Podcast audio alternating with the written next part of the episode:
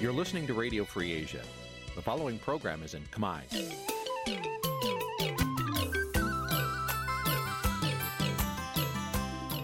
នេះជាកម្មវិធីផ្សាយ Vuthu Azizi Serai នេះជាកម្មវិធីផ្សាយរបស់ Vuthu Azizi Serai ជាភាសាខ្មែរ Vuthu Azizi Serai សូមស្វាគមន៍លោកអ្នកនាងទាំងអស់ពីរដ្ឋធានី Washington នៃសហរដ្ឋអាមេរិក ចាពីរដ្ឋធានី Washington នាងខ្ញុំសុជីវីសូមជម្រាបសួរលោកនាងកញ្ញាដែលកំពុងតាមដានការផ្សាយរបស់ Vuthu Azizi Serai ទាំងអស់ជាទីមេត្រីចាយើងខ្ញុំសូមជូនកម្មវិធីផ្សាយសម្រាប់ព្រឹកថ្ងៃពុទ្ធ11រោចខែចែកឆ្នាំខាលចត្វាស័កពុទ្ធសករាជ2565ចាប់ត្រូវនៅថ្ងៃទី27ខែមេសាគ្រិស្តសករាជ2022ចាជាដំបូងនេះសូមអញ្ជើញលោកអ្នកនាងស្ដាប់ព័ត៌មានប្រចាំថ្ងៃដែលមានមេត្តាដូចតទៅ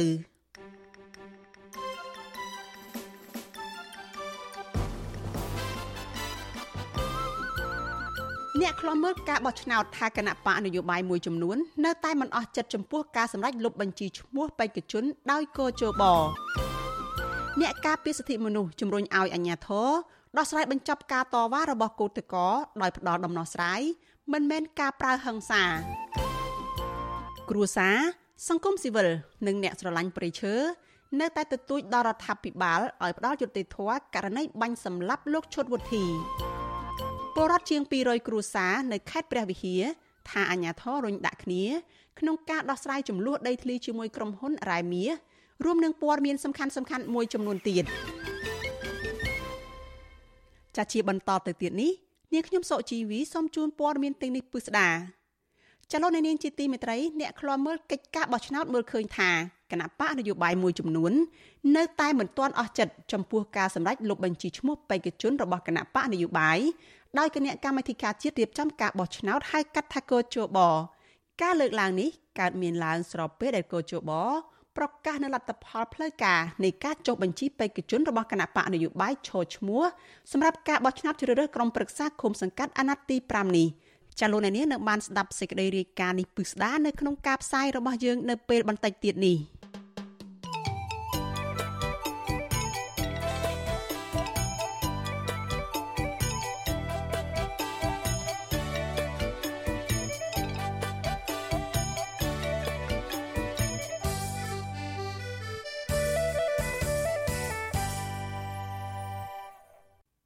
លោកនាងកញ្ញាប្រិយមិត្តជាទីមេត្រីចាព័ត៌មានតកតងនឹងការតវ៉ារបស់កោតកោនៅឯក្រុមហ៊ុនបនលបែង Nagavel វិញម្ដងចាអ្នកការពារសិទ្ធិមនុស្សទទូចឲ្យអាជ្ញាធរពាក់ព័ន្ធដោះស្រាយបញ្ចប់ចំនួនការងារដ៏រ៉ាំរ៉ៃនៅក្រុមហ៊ុនបនលបែង Nagavel ដើម្បីបញ្ចប់រាល់ការតវ៉ានិងការប្រើហិង្សាទៅលើកោតកោអហិង្សានោះបន្តទៅទៀតចាលើសពីនេះអ្នកការពារសិទ្ធិមនុស្សមើលឃើញថាករណីវិវាទការងារ បានប្រែក្លាយទៅជាវិវាទកាន់តែធ្ងន់ធ្ងររវាងអាជ្ញាធរនិងកោតក្រចាការលើកឡើងនេះបន្ទាប់ពីអ្នកនាំពាក្យស្នងការនគរបាលរាជធានីភ្នំពេញចោទប្រកាន់កោតក្រ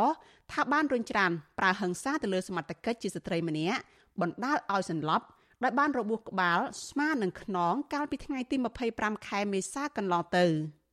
អ្នកការពារសិទ្ធិមនុស្សបារម្ភថាស្ថានភាពអំពើហិង្សានឹងបន្តកើនឡើងឬអាចឈានទៅដល់ស្ថានភាពធ្ងន់ធ្ងរបន្ថែមទៀតនៅពេលដែលអាជ្ញាធរចេញមុខចោទប្រកាន់កោតកោ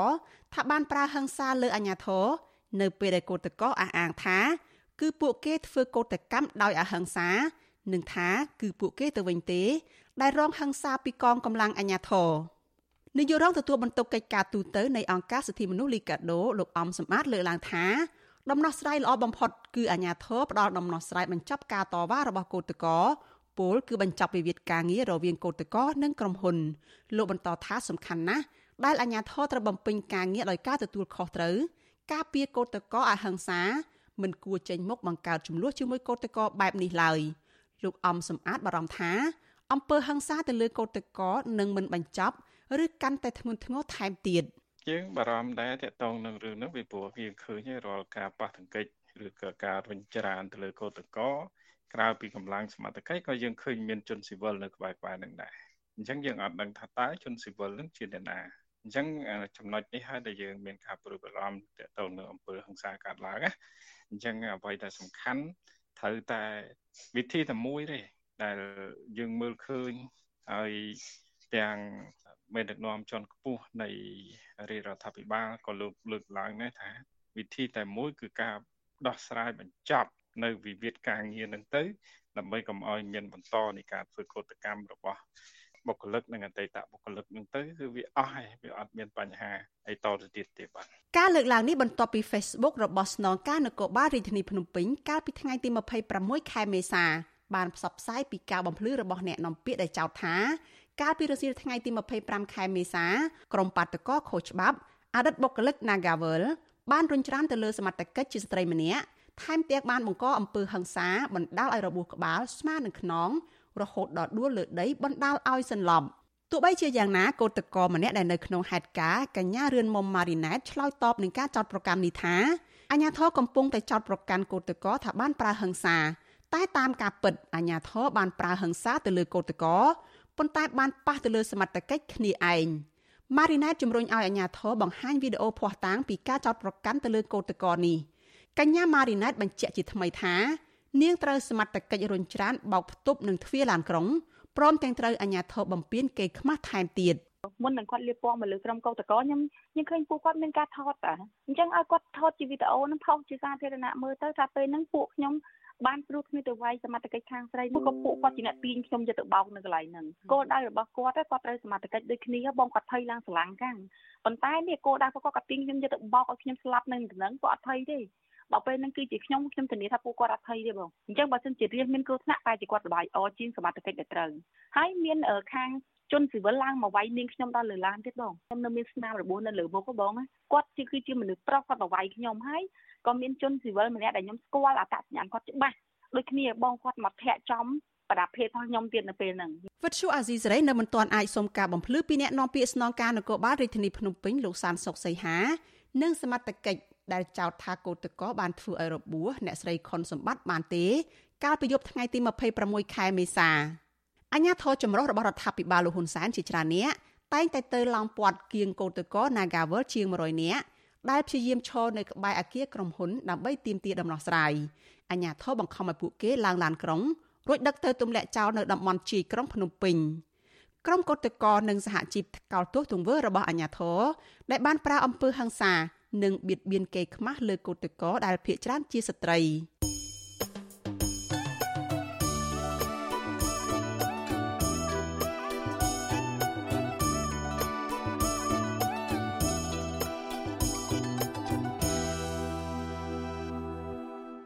ចាលោកនាងកញ្ញាប្រិយមិត្តជាទីមេត្រីចាដំណើរគ្នានឹងការផ្សាយផ្ទាល់តាមបណ្ដាញសង្គម Facebook និង YouTube នេះចាលោកនាងក៏អាចស្ដាប់ការផ្សាយរបស់វិទ្យុអាស៊ីសេរីចាតាមរយៈវិទ្យុរលកធាតុអាកាសខ្លីឬ Shortwave តាមកម្រិតនិងកម្ពស់ដូចតទៅនេះពេលព្រឹកចាប់ពីម៉ោង5កន្លះដល់ម៉ោង6កន្លះតាមរយៈរលកធាតុអាកាសខ្លី12140 kHz ស្មើនឹងកម្ពស់ 25m និង13715 kHz ស្មើនឹងកម្ពស់ 22m ចាប់ពេលយប់ចាប់ពីម៉ោង7កន្លះដល់ម៉ោង8កន្លះតាមរយៈរលកធាតុអាកាសខ្លី9960 kHz ស្មើនឹងកម្ពស់ 30m 12140 kHz ស្មើនឹងកម្ពស់ 25m និង11885 kHz ស្មើនឹងកម្ពស់ 25m ចលនានាងជាទីមេត្រីចាសសេចក្តីរាយការណ៍ពីខេត្តព្រះវិហារឲ្យដឹងថា បរដ្ឋជាង200គ្រួសារនៅក្នុងខេត្តនេះដែលមានចំនួនដីធ្លីជាមួយនឹងក្រុមហ៊ុនរ៉ែមាសចំនួន3កំពុងទាល់គំនិតមិនដឹងជាទៅពឹងស្ថាប័នណាមួយឲ្យជួយដោះស្រាយចំនួនដីធ្លីរបស់ពួកគាត់នោះបានទេពីព្រោះអាជ្ញាធរពាក់ព័ន្ធបានរុញដាក់គ្នាទៅវិញទៅមកចាការលើកឡើងនេះក្រោយពីដែលក្រុមហ៊ុនរ៉ែមាសឈ្មោះ Thadelcom Cambodia បានបន្តយកគ្រឿងចាក់ឈូសឆាយកំទេចផលដំណាំរបស់អ្នកភូមិអស់ជាច្រើនហិកតា នៅរយៈពេលជាងមួយសប្តាហ៍ចុងក្រោយនេះ ចាអ្នកស្រីម៉ៅសុធានីរាយការណ៍អំពីរឿងនេះ ក្រមប្រជាប្រដ្ឋទាំងនោះភាគច្រើនជាជនជាតិដើមភាគតិចគួយរស់នៅភូមិចំនួន5គឺភូមិស្វាយដំណាក់ថ្មី ស្វាយដំណាក់ចាស់ភូមិរំដេងភូមិត្រពាំងទន្ទឹមនិងភូមិអូលត្រឡោកឃុំរំទុំស្រុករវៀងអស់ជំនឿលើអាញាធរខេត្តព្រះវិហារដែលមិនខ្វល់ពីទុក្ខវេទនារបស់ពួកគាត់ពឹងពាក់ឲ្យជួយដោះស្រាយចំនួនដីធ្លី ជាមួយក្រុមហ៊ុនរ៉ែមាសចំនួន3នៅតំបន់ភ្នំលុង។ក្រុមហ៊ុនទាំងនោះរួមមាន ក្រុមហ៊ុន Dalcom Cambodia ក្រុមហ៊ុនសិនសាន និងក្រុមហ៊ុនគឹមជាធុនគ្រប់តំណាងបរដ្ឋលោកទុយឆេងប្រាប់វិទ្យុស៊ីស្រីនៅថ្ងៃទី26ខែមេសាថាក្រុមហ៊ុន Delcom Cambodia និងក្រុមហ៊ុនសិនសាន បន្តហុំព័ទ្ធយកដីរបស់បរដ្ឋអស់ជាច្រើនគូសាដើម្បីយកទៅលក់ឲ្យលោកងប់រដ្ឋនិយមដែលត្រូវជាកូនប្រសាររបស់លោកហ៊ីងប៊ុនហៀងមេបញ្ជាការកងអង្គរៈលោកហ៊ុនសែន លោកបញ្ជាក់ថាអាញាធរស្រុកខ្លះក៏បានខុបខិតគ្នាជាមួយក្រុមហ៊ុន រំលោភយកដីអ្នកភូមិជាង800ហិកតានៅចំណុចត្រពាំងព្រៃទួននិងចំណុចព្រៃប្រមេដើម្បីលក់ឲ្យអ្នកមានអំណាចទាំងនោះធ្វើអាជីវកម្មរ៉ែមាសនៅរយៈពេលជាងកន្លះឆ្នាំចុងក្រោយនេះ ហើយដែលបញ្ហានេះធ្វើឲ្យបរិវត្តជាច្រើនគូសាបាត់បង់កន្លែងអាស្រ័យផលចិញ្ចឹមជីវិតរីឯអាជ្ញាធរខេត្តព្រះវិហារនិងអាជ្ញាធរជាតិក៏បានរុញដាក់គ្នាទៅវិញទៅមកមិនដោះស្រាយចំនួនដីធ្លីនេះជូនពលរដ្ឋនោះឡើយ។ អាបំព្រានដីប្រជាពលរដ្ឋហើយយកទៅលក់ឲ្យកូនអីដំហ៊ីវិហាងនេះរាប់រយហិកតាហ្នឹងណា800ហិកតាមិននឹងយើងនិយាយមិនទូខ្ញុំទទូចទៅដល់ខេត្តតែអីនឹងឯងគេថាគេនឹងដោះស្រាយដោះស្រាយហើយគេអត់មានដោះស្រាយគេសំណំសំណំទៅបើបើគេប្តឹងប្រជាពលរដ្ឋទៅតុលាការគឺគេអាចប្តឹងបានប៉ុន្តែប្រជាពលរដ្ឋប្តឹងទៅឲ្យក្រុមហ៊ុនឲ្យជួយដំណោះស្រាយគឺខេត្តអត់មានលវិលវល់ហ្មង តំណាងបរដ្ឋរូបនេះបន្ថែមថាមកដល់ពេលនេះក្រុមហ៊ុនបានធ្វើរបងថ្មហាមឃាត់មិនឲ្យបរដ្ឋចូលទៅអាស្រ័យផល នៅលើដីតំបន់នោះទេដោយមន្ត្រីយោធាយាមកាមយ៉ាងតឹងរឹង លោកថាគ្រួសាររបស់លោកបានបាត់បង់ដីចម្ការ4ហិកតាជាថ្មីទៀតដោយមានដំណាំចេកនិងស្វាយអស់រយៈពេល3ខែចុងក្រោយនេះលោករីគុណអភិបាលខេត្តប្រវត្តិហាលោកប្រាក់សុវណ្ណថាมันបានខ្វល់ពីទុក្ខវេទនារបស់បរិវត្តតតសោះបើទោះបីជាពួកគាត់រងភាពអយុត្តិធម៌ជាច្រើននោះក្តី វជុអសីស្រីបានតាក់ទងសុំការបំភ្លឺរឿងនេះពីតំណាងក្រុមហ៊ុន Dalcom Cambodia លោកសសរីវិចិត្រដោយអ្នកលើកទូរស័ព្ទនិយាយថាច្រឡំលេខចំណែកតំណាងក្រុមហ៊ុនគឹមជាធុនគ្រប់ក្រុមហ៊ុនសិនសាននិងលោកខេងបន្ទាងក៏អសីស្រីមិនអាចតាក់ទងបានដែរនៅថ្ងៃទី26ខែមេសានេះបរដ្ឋដែលមានចំនួនដីធ្លីម្នាក់ទៀតរស់នៅភូមិត្រពាំងទន្ទឹម លោកស្រីយឹមផាតត្អូញត្អែថាក្រុមហ៊ុនដែលខំបានឈូសឆាយបំផ្លាញដំណាំចន្ទទីរបស់លោកស្រីអស់ជាង200ដើមនិងធ្វើរបងខំពាត់មិនឲ្យគ្រួសារលោកស្រីចូលទៅអាស្រ័យផលលើដីចំការគេឪពុកម្ដាយអស់ជាច្រើនខែមកហើយលោកស្រីបន្ថែមថាគ្រួសារលោកស្រីនិងអ្នកភូមិជាច្រើនទៀតបានធ្វើដំណើរទៅដាក់ញត្តិនៅរាជធានីភ្នំពេញនិងអាជ្ញាធរខេត្តប្រវត្តិជាច្រើនដងក៏ប៉ុន្តែมันបានលទ្ធផលមកដល់ពេលនេះ ផ្ទុយទៅវិញក្រុមហ៊ុននៅតែបន្តរំលោភបំពានដីស្រែចម្ការរបស់អ្នកភូមិលោកស្រីបារម្ភថាអ្នកភូមិរាប់រយកុសាននឹងប្រឈមជីវភាពលំបាកខ្លាំងដោយសារតែគ្មានដីដាំដុះប៉ះសិនបារដ្ឋាភិបាលមិនបានរកយុត្តិធម៌ជូនពួកគាត់ឃ្លាទៅឬស្វាយឬអំបានឃ្លាទៅលេងដកអំបាន ហើយមកវាយចូលរបស់គ្នាអស់តាំងពីថ្ងៃទី13រហូតដល់ថ្ងៃទី17វាយរបស់ខ្ញុំអស់ឡងលីយំក៏យំមិនចាញ់អីពីផ្សេងដាក់ក្តិតអង្គុយប៉ុណ្ណេះអត់អត់ចូលដាច់ខាតចូលទៅគេដេញបើដាំចេកដាំអីទៅលងអីច្ដកចូលអត់ព្រោះស្ដាប់សុកខ្មែរនេះខ្ញុំអស់លទ្ធភាពហើយខ្ញុំអស់ហើយដើរអស់ហើយនឹងកណាទីទេវជុអសីស្រីមិនតាន់អាចតកតងសុំការបំភ្លឺរឿងនេះ ពីអភិបាលខេត្តប្រវត្តិហាលោកប្រាក់សុវណ្ណនិងអ្នកនាំពាក្យក្រសួងរ៉ែលោកជួសមនីរតបានណឡាយទេ នៅថ្ងៃដដែលនេះដោយសារតែទូរស័ព្ទហៅចូលជាច្រើនដងគ្មានអ្នកទទួល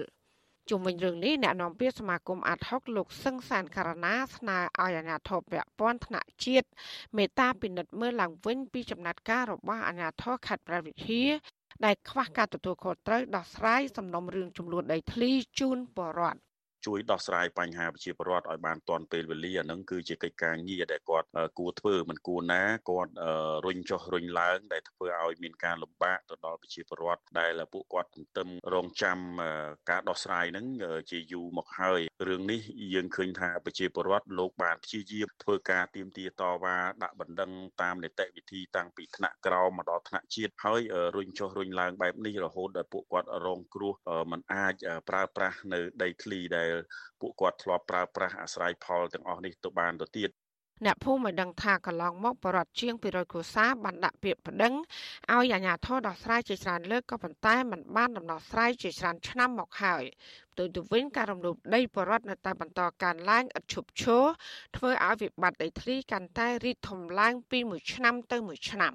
ពជាសហគមន៍ឲ្យដឹងថាតំបន់ភ្នំលុងមានផ្ទៃដីជាង1000ហិកតាដែលសម្បូរទៅដោយរ៉ែមាសក្រោមដី ត្រូវបានក្រុមហ៊ុនឯកជនធំធំចំនួន3ពុះចែកគ្នាធ្វើអាជីវកម្មដោយលាក់លៀមរីឯក្រុមហ៊ុនក៏បានជួក្រុមទាហានគម្រាមកំហែងអ្នកភូមិនិងរដ្ឋបិតអ្នកខាងក្រៅមិនឲ្យចេញចូលទៅតំបន់នោះក្រៅពីនេះក៏មានក្រុមហ៊ុនចិននិងវៀតណាមជាច្រើនទៀតក៏បានជ្រកក្រោមស្លាកក្រុមហ៊ុនទាំងនេះនិងជួលអ្នកមានអំណាចកាងអាជីវកម្មរបស់ខ្លួនដែរ ទន្ទឹមនឹងនេះតំបន់នោះក៏មានទាហាននៅឈរចាំផ្លូវដើម្បីហាមឃាត់បរិវត្តឬអ្នកសារព័ត៌មានមិនឲ្យចូលទៅទីនោះអ្នកភូមិថាមន្ត្រីយោធាទាំងនោះគឺជាកូនចៅរបស់លោកហ៊ីនប៊ុនហៀងមេបញ្ជាការកងអង្គរៈលោកហ៊ុនសែនចាននាងខ្ញុំម៉ៃសុធានីវិទ្យុអាស៊ីសេរីប្រធានាធិបតី Washington ចាលោកនាងជាទីមេត្រីចាលោកអ្នកកំពុងតែតាមដានការផ្សាយរបស់វិទ្យុអាស៊ីសេរីចាប់ផ្សាយចេញពីរដ្ឋធានី Washington សហរដ្ឋអាមេរិក ចាតកតនឹងការប្ររពខួប10ឆ្នាំនៃការបាញ់សម្លាប់អ្នកការពារព្រៃឈើលោកឈុតវុធីវិញម្ដងចាអង្គការសមាគម28ស្ថាប័នបានរួមគ្នាចេញលិខិតចំហមួយ ស្នើយ៉ាងទទូចដល់រដ្ឋាភិបាលលោកហ៊ុនសែននិងជំរុញឲ្យក្រសួងពាក់ព័ន្ធបើកការស៊ើបអង្កេតដោយឯករាជ្យដែលគួរឲ្យជឿជាក់ចំពោះការបាញ់សម្លាប់សកម្មជនព្រៃឈើដ៏ឆ្នើមគឺលោកឈុតវុធីកាលពី10ឆ្នាំមុនដើម្បីរយុទ្ធធម៌ជូនលោកនិងក្រុមគ្រួសារសំណើនេះ កើតមានក្រោយពេលដែលពួកគេមើលឃើញពីភាពមិនប្រក្រតីជុំវិញរបាយការណ៍ស្រាវជ្រាវកន្លងមករបស់សមត្ថកិច្ចចាសសូមស្ដាប់សេចក្តីរាយការណ៍របស់លោកសេកបណ្ឌិតអំពីរឿងនេះអង្គការសង្គមស៊ីវិលចំនួន27ស្ថាប័នរួមមានមជ្ឈមណ្ឌលសិទ្ធិមនុស្សកម្ពុជាហៅកាត់ថា CCHR សមាគមការពារសិទ្ធិមនុស្សអាត6អង្គការសិទ្ធិមនុស្សលីកាដូសមាគមបណ្ដាញយុវជនកម្ពុជាហៅកាត់ថា CYN រួមទាំងអង្គការសមាគមនិងសហគមន៍មួយចំនួនទៀតបានរួមគ្នាចេញលិខិតចំហមួយដោយជំរុញឲ្យរដ្ឋាភិបាល និងក្រសួងស្ថាប័នមានសមត្ថកិច្ចស៊ើបអង្កេតឯករាជ្យនិងប្រកបដោយតម្លាភាពនិងយុត្តិធម៌លើគិតកម្មវរៈជនការពីប្រៃឈើលោកឈុតវុធីមន្ត្រីអង្គការសង្គមស៊ីវិលទាំងនោះបានយកលិខិតនោះ ទៅដាក់នៅក្រសួងមហាផ្ទៃ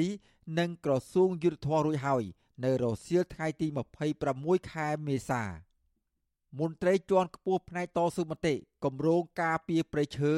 នៃសមាគមបណ្ដាញយុវជនកម្ពុជាហៅកាត់ថា CYN លោកសាន់ម៉ាឡាប្រាប់បទសុអាស៊ីសេរីថាមូលហេតុនៃការដាក់លិខិតទៅក្រសួងពាក់ព័ន្ធទាំងនេះដោយសារក្រុមអង្គការសង្គមស៊ីវិលមើលឃើញថាអស់រយៈពេល10ឆ្នាំកន្លងផុតទៅហើយ ពន្លឺយុទ្ធធរសម្រាប់លោកឈុតវិធី និងក្រុមគ្រួសារពុំទាន់ទទួលបានពេញលេញនៅឡើយទេ លោកបន្តថា ការស៊ើបអង្កេតកន្លងមក មានភាពមិនប្រក្រតីជាច្រើន ដែលរដ្ឋាភិបាលត្រូវពិនិត្យមើលឡើងវិញ ថាតើករណីនេះ មានអ្នកពាក់ព័ន្ធនៅពីក្រោយខ្នងឬក៏ទេលោកយល់ថាការដែលមិនផ្ដល់យុត្តិធម៌បែបនេះ បានគំរាមកំហែងដល់សកម្មភាពរបស់អ្នកការពារបរិស្ថាន និងធនធានធម្មជាតិ ព្រមទាំងជះឥទ្ធិពលអាក្រក់ដល់មុខមាត់របស់រដ្ឋាភិបាលលើឆាកជាតិនិងអន្តរជាតិយើងបន្តអំពាវនាវឲ្យរដ្ឋាភិបាលហ្នឹងត្រូវតែធានាធ្វើម៉េចបញ្ឈប់អំពើនីតិរដ្ឋភាពក៏ដូចជាការបាញ់សម្លាប់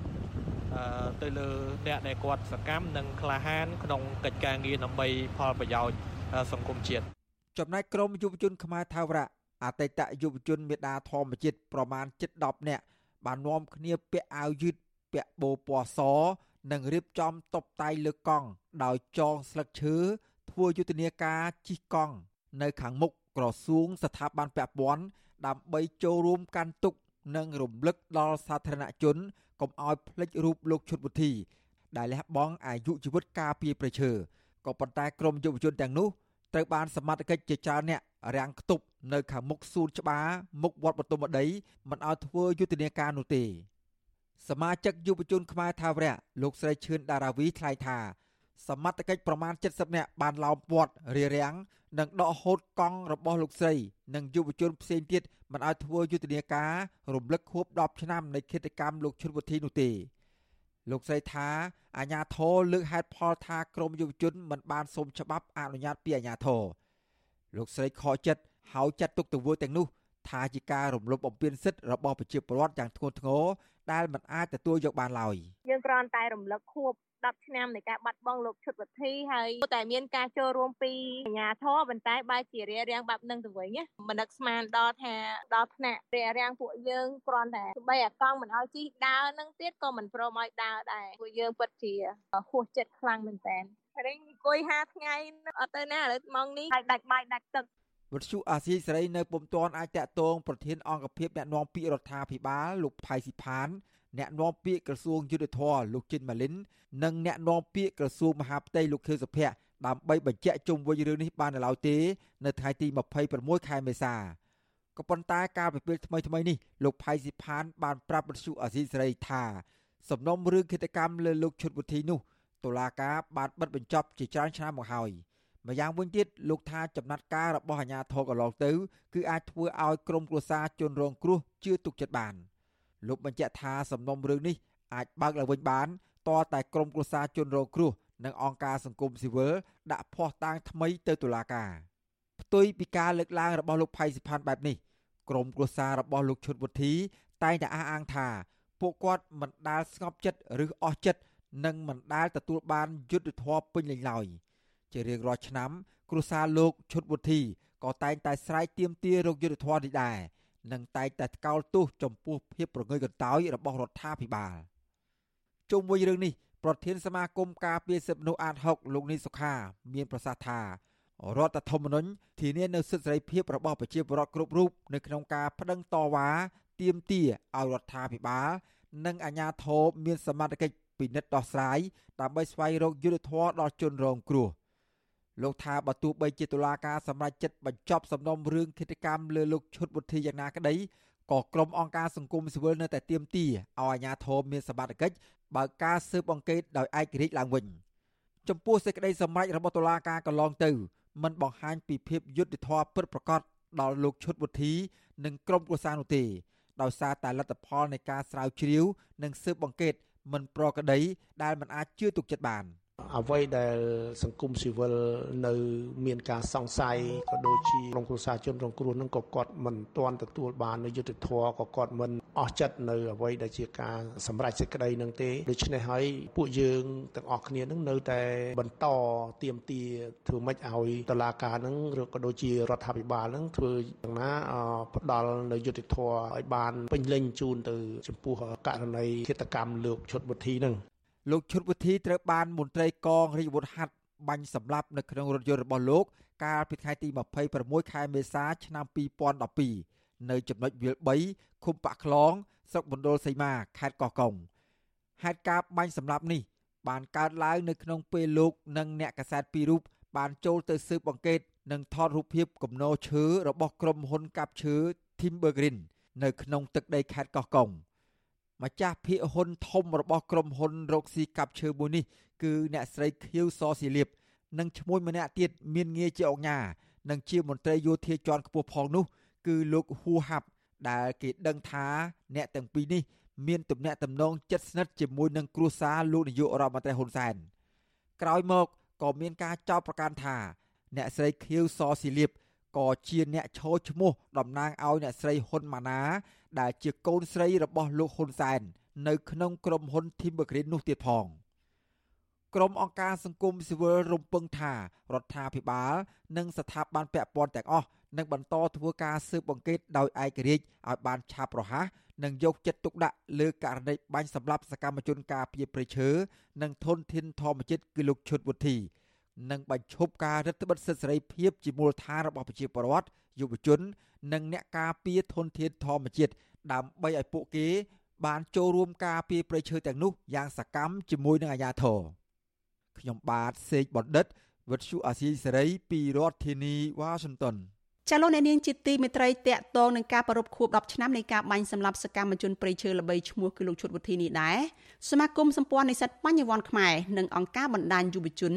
បានរួមគ្នាដាក់លិខិតចំហឬក៏ដាក់ញត្តិទៅក្រសួងយុតិធធនិងក្រសួងមហាផ្ទៃឲ្យបើកការស៊ើបអង្កេតសំណុំរឿងឃាតកម្មនេះប្រធានសមាគមសម្ព័ន្ធនិស្សិតបញ្ញវន្តខ្មែរលោកកៅសារាយល់ថាករណីបាញ់សម្លាប់អ្នកការពារព្រៃឈើដែលមិនទាន់មានយុត្តិធម៌រយៈពេល10ឆ្នាំមកនេះគឺជាការគំរាមកំហែងដល់ពលរដ្ឋនិងសកម្មជនឲ្យភ័យខ្លាចហើយឈប់ហ៊ានធ្វើសកម្មភាពការពារព្រៃឈើចាត់ជាបន្តទៅទៀតនេះ សូមអញ្ជើញលោកអ្នកនាងស្ដាប់បទសម្ភាសន៍របស់អ្នកស្រីខែសុណងជាមួយនឹងលោកកើតសារាយជុំវិញបញ្ហានេះដូចតទៅចាជំរាបសួរលោកកើតសារាយពីចម្ងាយចា បាទជំរាបសួរបងស្រីខែសំណងនិងជំរាបសួរជនរួមជាតិគ្រប់គ្នាផងបាទលោកបានចូលរួមនៅក្នុងការធ្វើញត្តិអីជាមួយខាងអង្គការស្ថាប័នពាក់ព័ន្ធសង្គមស៊ីវិលនិងយុវជនអីហ្នឹងយកញត្តិទៅដាក់ទៅក្រសួងយុតិធធហើយនិងក្រសួងមហាផ្ទៃហើយខាងក្រសួងទាំងពីរហ្នឹងបានទទួលយកហើយតើលោកកើតសរាយនៅពេលដែលញត្តិអីយកទៅអញ្ចឹងមិនមានការរារាំងអីដោយសពដងតែញត្តិក៏អាជ្ញាធរពាក់ព័ន្ធមិនយកផងប៉ុន្តែលើកនេះយកហើយទទួលយកទៅតើបានចម្លើយមកវិញបែបណាដែរនៅពេលដែលគេចេញមកទទួលញត្តិនឹងចាបាទនៅពេលដែលយើងដាក់ញត្តិហ្នឹងមន្ត្រីរដ្ឋបាលគេចេញមកដើម្បីទទួលញត្តិលិខិតយើងហៅថាលិខិតជំហរដែលក្នុងនោះយើងមានអង្គការសមាគមរួមទាំងសហគមន៍ហ្នឹងគឺជាង30ដែលយើងបានគ្រប់គ្រងទៅលើលិខិតជំហរហ្នឹងមកដល់ពេលនេះមិនទាន់មានការឆ្លើយតបអីជាលក្ខណៈភ្លាមភ្លាមទេប៉ុន្តែខាងក្រសួងយុតិធម៌ មន្ត្រីរដ្ឋបាលដែលចេញមកទទួលលិខិតចំហរបស់ពួកយើងហ្នឹងគឺគាត់ថាគាត់នឹងបញ្ជូននៅលិខិតនេះឲ្យបានទៅដល់ដៃឯកឧត្តមរដ្ឋមន្ត្រីដើម្បីគាត់យកទៅពិនិត្យពិចារណាទោះយ៉ាងណាក៏ដោយខ្ញុំនៅតែមើលឃើញថារឿងប្រព័ន្ធយុតិធធនៅស្រុកខ្មែររបស់យើងវាប្រៀបដូចជារឿងមួយដែលដែលយើងនិយាយហើយយើងមានអារម្មណ៍ថាដូចសោកស្ដាយ សោកស្ដាយហើយសោកស្ដាយទៀតដែលយើងវាសឹងតែគ្មានសង្ឃឹមថានឹងទទួលបាននៅយុត្តិធម៌ទេប៉ុន្តែទោះជាយ៉ាងណាក៏ដោយក៏យើងនៅតែសង្ឃឹមថាក្នុងនាមជាជាតិសាសន៍ខ្មែរជនជាតិខ្មែរដូចគ្នាដែលមានឈាមចូលជាពូជខ្មែរតែមួយនៅពេលនេះ មនុស្សម្នាក់ដែលលះបង់សម្រាប់ធនធានធម្មជាតិលះបង់ទាំងក្តីសុខរបស់ខ្លួនឯងហ្នឹងហើយត្រូវបានគេសម្លាប់ហើយមន្ត្រីនៃក្រសួងយុតិធធជាពិសេសរដ្ឋមន្ត្រីនៃក្រសួងយុតិធធហ្នឹងនៅតែមិនអើពើទៀតខ្ញុំគិតថា មានតែសាសដតីទេទើបអាចធ្វើអារម្មណ៍បែបនោះបានណាបើដល់តែជាជនជាតិខ្មែរខ្ញុំជឿជាក់ថាมันអាចធ្វើអារម្មណ៍បែបហ្នឹងបានទេបាទលោកកើតសរាយតើឲ្យសង្ឃឹមបែបណាទៅ នៅពេលដែលដូចលោកបានលើកឡើងខ្លួនឯងហើយជាចម្លើយទីថារាល់ពេលមានសំណុំរឿងអីផ្សេងផ្សេងជាពិសេសករណីបាញ់សម្រាប់នេះមិនថាតែលោកឈុតវុធីទេគឺលោកបណ្ឌិតកែមលីអីនៅកណ្ដាលទីក្រុងភ្នំពេញហ្នឹងបិទសំណុំរឿងនៅតុលាការអីហើយអស់ក៏អាជ្ញាធរថារឿងនេះចប់សពគ្រប់អីខាងក្រុមគ្រួសារទទួលយកបានប៉ុន្តែដោយឡែកសង្គមស៊ីវិលសកម្មជន សង្គមអីផ្សេងផ្សេងនឹងដូចជាក្រមនិស្សិតបញ្ញវន្តរបស់លោកនេះក៏នៅតែគិតថាវាជារឿងអយុត្តិធម៌មិនអាចទទួលយកបានថាតើនឹងតាមដានមើលញត្តិដែលបានដាក់ទៅនឹងដោយរបៀបណាហើយសង្ឃឹមថានឹងទទួលបានលទ្ធផលយ៉ាងម៉េចទៅវិញតាមរយៈការជំរុញឲ្យមានការបើកការស៊ើបអង្កេតអីទាំងអស់នេះចា៎បាទពួកយើងនៅតែតាមដានហើយពួកយើងមិនមែនតាមដានមួយសប្តាហ៍ពីរសប្តាហ៍ទៀតទេ ជីវិតរបស់ពួកយើងរស់បាន30 40ឆ្នាំទៀតយើងតាមដានដល់40ឆ្នាំទៀតបរិរ៉ាដែរមិនទាន់អាចរោគយុតិធធជូនលោកឈុតវិធី ដែលត្រូវបានបាញ់សម្លាប់យ៉ាងអយុត្តិធម៌នេះទោះជានាពេលបច្ចុប្បន្ននេះសម្រាប់ខ្ញុំខ្ញុំគ្មានភាពជឿជាក់អឺនោះទេថាគេនឹងព្យាយាមស្វែងរកចារីនិងសហចារីពិតប្រកបដែលបានធ្វើធៀបលោកឈុតវិធីយកមកផ្ដន្ទាទោសឲ្យខានតែបានប៉ុន្តែ ទោះជាយ៉ាងណាក៏ដោយយើងនៅតែឲ្យតម្លៃយើងនៅតែឲ្យតម្លៃដល់ក្រសួងយុតិធធក្នុងនាមជាជាតិសាសន៍ខ្មែរដែលយើងនៅតែជឿជាក់ថាយើងមានឈាមចូលតែមួយហើយនឹងអាចចេះស្រឡាញ់គ្នាគិតគូរពីគ្នានឹងជាចំណុចមួយជាចំណុចពីរយើងយកឱកាសនេះជាឱកាសដើម្បីថ្លែងទៅកាន់សាធារណជនឲ្យនៅចងចាំនៅវិរិយភាពរបស់វិរិយជនដែលបានការពារព្រៃឈើហើយសូមឲ្យអ្នកទាំងអស់គ្នា ដើរតាមធ្វើតាមរៀនតាមហើយលះបង់តាមទៅធនធានធម្មជាតិរបស់ពួកយើងអាចថិតថេរចេរកាបានទី3គឺយើងចង់បង្ហាញទៅកាន់រដ្ឋាភិបាលផ្ទាល់ជាពិសេសក្រសួងបរិស្ថានដែលកន្លងមកយើងមើលឃើញថារហូតដល់ឥឡូវនេះហាមឃាត់អង្គការឬក៏សមាគមឬក៏យុវជនដែលស្រឡាញ់លើការការពារព្រៃឈើនឹងមិនអោយចូលទៅតំបន់ ព្រៃមួយចំនួនដែលក្រសួងនឹងបានប្រកាសហាមឃាត់ទៅទៀតអាហ្នឹងយើងមើលឃើញថាវាវាធ្វើអញ្ចឹងធ្វើអីវាចំណេញអីហើយពួកគាត់ចូលទៅការពារតាមិនមិនចូលទៅបំផ្លាញឯណាតែបែរជាអ្នកបំផ្លាញអាចចូលទៅបានហើយហើយអ្នកការពារចូលទៅអត់បានខ្ញុំគិតថាគួរតែគិតឡើងវិញថាអូខេយើងបើកចិត្តមកវិញថាព្រៃឈើសល់គឺមិនដើម្បីក្រុមមួយក្រុមពួកសកម្មជនមួយក្រុមទេគឺដើម្បីជាតិសាសន៍របស់យើងទាំងមូលដូច្នេះគួរតែដាក់ចិត្តមកវិញបន្តិច ជជែកគ្នាហើយបើកឱកាសដើម្បីចូលរួមការពារទាំងអស់គ្នាចាលោកកើតសរាយចុងក្រោយថាតើវាផ្សារភ្ជាប់គ្នាយ៉ាងម៉េចទៅនឹងរឿងការពារធនធានធម្មជាតិហើយនឹងឃាតកម្មទៅលើលោកឈុតវិធីដែលខាងនិស្សិតហើយនឹងស្ថាប័នពាក់ព័ន្ធអីសង្គមស៊ីវិលអីនាំគ្នាជំរុញឲ្យមានយុត្តិធម៌នេះចាវាជាការគម្រាមកំហែងទី1ណាវាជាការគម្រាមកំហែងដ៏ធំពីព្រោះមនុស្សគ្រប់គ្នារឿងដែលភ័យខ្លាចជាងគេគឺអាយុជីវិតនឹងឯង គ្រប់គ្នាខ្លាចជាងគេគឺស្លាប់នឹងឯងដូច្នេះនៅពេលដែលមានវរៈជនឬក៏សកម្មជនណាមួយក៏ចូលទៅការពារព្រៃឈើហើយត្រូវបានគេសម្លាប់កណ្ដាលព្រៃដោយបាញ់នឹងកំភ្លើងហើយអ្នកដែលបាញ់សម្លាប់នោះជាអតីតជាអ្នកដែលស្ថិតនៅក្នុងក្រសួងស្ថិតនៅក្នុងកងរាជអាវុធហត្ថទៅទៀតអានឹងហើយវាជាការគម្រាមកំហែងខ្លាំងដល់សកម្មជនការពារព្រៃឈើដែលពួកគាត់ហ៊ាន ទៅចូលរួមការពារព្រៃឈើនោះគឺគាត់ភ័យភ័យដល់អាយុជីវិតថៃចុះបើក្នុងក្នុងព្រៃទឹកមិនស្លាប់1 2 3អីចឹងអញចូលទៅមិនកើតអាហ្នឹងជាការបង្ហាញពីវិនាសកម្មនៃធនធានធម្មជាតិមួយហើយនៅពេលដែលធ្វើឲ្យប្រជាពលរដ្ឋខ្លាចក្នុងការចូលទៅចូលរួមការពារនឹងចំណុចនេះទីពីរគឺវាធ្វើឲ្យប្រជាពលរដ្ឋរបស់យើងនឹងគឺអស់អស់ចំណឿចិត្តនិងអស់ទំនុកចិត្តលើច្បាប់ណាព្រោះអាយុជីវិតរបស់ប្រជាពលរដ្ឋរាល់ថ្ងៃគឺផ្ញើលើច្បាប់ទេ បើអត់មានច្បាប់មនុស្សសម្លាប់គ្នារង្គាលគ្មានចេះខ្លាចចេះរអាទេដោយសារតែសំអាងមានច្បាប់មានទម្លាប់តែពួកគាត់អាចធានាដល់ការរស់នៅដែលមានក្តីសុខហើយបើសិនជាអង្គើនិតិនភាពនៅតែបន្តបែបនេះខ្ញុំជឿជាក់ថាប្រជាពលរដ្ឋមិនអាចរស់នៅក្នុងសេចក្តីសុខដូចជាពាក្យដែលរងថ្ងៃថាសន្តិភាពបិទគ្រប់ទីគ្រប់កន្លែងនោះខ្ញុំគិតថាមិនមែនទេដរាបណាដែលមិនមានការ រឹតបន្តឹងច្បាប់បានល្អប្រសើរដែលធ្វើឲ្យមានភាពកក់ក្ដៅដល់ផ្លូវចិត្តរបស់ប្រជាពលរដ្ឋអរគុណច្រើនលោកកើតសរាយហើយយើងនឹងចាំតាមដានមើលបន្តទៀតថាតើជាលទ្ធផល ទៅ ខាងក្រសួង ដែលទទួលញត្តិហើយនឹងនឹងមានការឆ្លើយតបអីយ៉ាងម៉េចទៅទៀតចាសូមអរគុណលោកកើតសរាយប៉ុណ្ណេះសិនហើយជំរាបលាលោកតាលោកអ្នកនាងជាទីមេត្រីលោកអ្នកទើបតែបានស្ដាប់បទសម្ភាសរបស់អ្នកស្រីខែសុណងជាមួយនឹងប្រធានសមាគមសម្ព័ន្ធនិស្សិតបញ្ញវន្តខ្មែរលោកកើតសរាយ ពីការដាក់លិខិតចំហឬក៏ញត្តិទៅក្រសួងយុតិធធនិងក្រសួងមហាផ្ទៃឲ្យបើកការស៊ើបអង្កេតសំណុំរឿងឃាតកម្មនេះដើម្បីឲ្យជនរងគ្រោះនិងគ្រួសារបានទទួលយុត្តិធម៌ចាលោកអ្នកនាងជាទីមេត្រីចាតកតងនឹងរឿងនេះដែរចាកូនប្រុសរបស់វីរជនការពារព្រៃឈើគឺលោកឈុតវុធីលើកឡើងថាលុះត្រាតែមានការផ្លាស់ប្តូររដ្ឋាភិបាលថ្មីទៅសំណុំរឿងរបស់ឪពុកលោកមានយុត្តិធម៌ចាសសូមអញ្ជើញលោកអ្នកនាង រងចាំស្ដាប់បទសម្ភាសរបស់អ្នកស្រីខែសុណងមួយទៀតជាមួយនឹងកូនប្រុសរបស់លោកឈុតវុធីគឺលោកឆើយឧត្តមរស្មីនៅក្នុងការផ្សាយរបស់យើងនៅពេលបន្តិចទៀតនេះ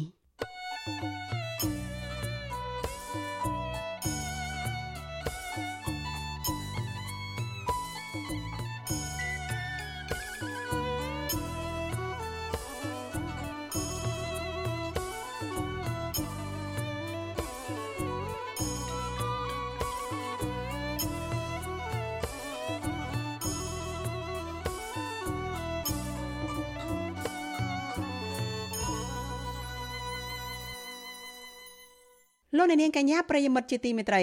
ចាព័ត៌មានតកតងនឹងការបោះឆ្នោតក្រុមប្រឹក្សាឃុំសង្កាត់នៅខាងមុខនេះវិញម្ដង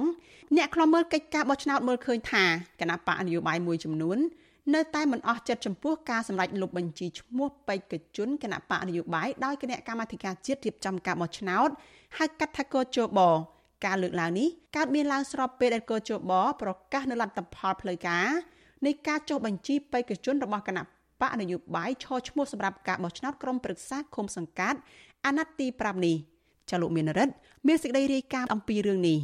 គិនមកទល់ពេលនេះដំណាក់កាលនៃការចុះបញ្ជីបេក្ខជនឈរឈ្មោះបោះឆ្នោតការដោះស្រាយបណ្ដឹងតវ៉ាតាក់ទងទៅនឹងការចុះបញ្ជីបេក្ខជន និងការបិទផ្សាយបញ្ជីបេក្ខជននៅតាមឃុំសង្កាត់បានបិទបញ្ចប់ហើយ ដំណាក់កាលបន្ទាប់គឺការចុះឈ្មោះភ្នាក់ងារគណៈបញ្ញយោបាយនិងការចែកបានព័ត៌មានអ្នកបោះឆ្នោតនៅតាមភូមិដែលនឹងត្រូវបិទបញ្ចប់នៅថ្ងៃទី16ខែឧសភាឆ្នាំនេះអ្នកសម្របសម្រួលផ្នែកអង្គការនឹងតស៊ូមតិនៃអង្គការ Confrel លោកកនស្វាងវាតម្លៃជារួមថាគណៈបញ្ញយោបាយមួយចំនួន បានរាយការណ៍អំពីករណីបំផិតបំភ័យពីសំណាក់អាជ្ញាធរមូលដ្ឋាន និងមន្ត្រីមានអំណាចទៅលើបេក្ខជនឈរឈ្មោះរបស់គណៈបកពួកគេ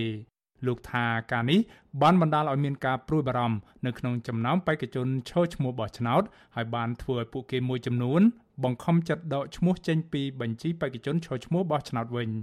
ក្រៅពីករណីបំផិតបំភ័យនេះលោកកនស្វាងក៏មើលឃើញថាគណៈបញ្ញយោបាយមួយចំនួន នៅតែមិនទាន់អស់ចិត្តជុំវិញការដែលកោចបោបានសម្រេចលុបបញ្ជីបេក្ខជនចូលឈ្មោះបោះឆ្នោតទាំងស្រុងនៅតាមឃុំសង្កាត់មួយចំនួនរបស់គណៈបកពួកគេ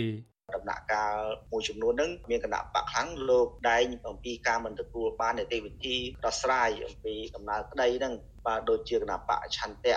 ប្រជាពលរដ្ឋអីជាដើមដែលលោកមិនបានទទួលព័ត៌មានអំពីការដោះស្រាយនិងមួយទៀតតកតងលើរឿងការលុបបញ្ជីហ្នឹងដែលដំណើរការដោះស្រាយហ្នឹងទៅលើ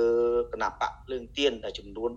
11ឃុំសង្កាត់ហ្នឹងដែលធ្វើឲ្យលោកនៅតែមិនអស់ចិត្តដោយសារតែនៅក្នុងដំណើរការនេះវាធ្វើឲ្យមានការបាត់បង់បញ្ជីនៅក្នុងការពុតប្រជែង ដែលដំណើររឿងនេះមានអ្នកខ្លះក៏បានគ្រប់តាមលក្ខខណ្ឌហើយមានបេក្ខជនខ្លះក៏មិនទាន់បានគ្រប់តាមលក្ខខណ្ឌហើយធ្វើឲ្យគាត់មានការមិនទាន់អស់កង្វល់ហើយនៅតែមានការទីទា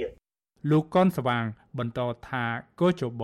តែងតែបកស្រាយថាការលុបបញ្ជីបេក្ខជនទាំងស្រុងរបស់គណៈបញ្ញយោបាយនៅតាមឃុំសង្កាត់មួយចំនួន គឺធ្វើឡើងដោយផ្អែកតាមនីតិវិធីច្បាប់ ក៏ប៉ុន្តែលោកថាលោកមើលមិនឃើញ ថាមាននីតិវិធីជាក់លាក់ណាមួយ នៅក្នុងច្បាប់ដែលតម្រូវឲ្យកោចប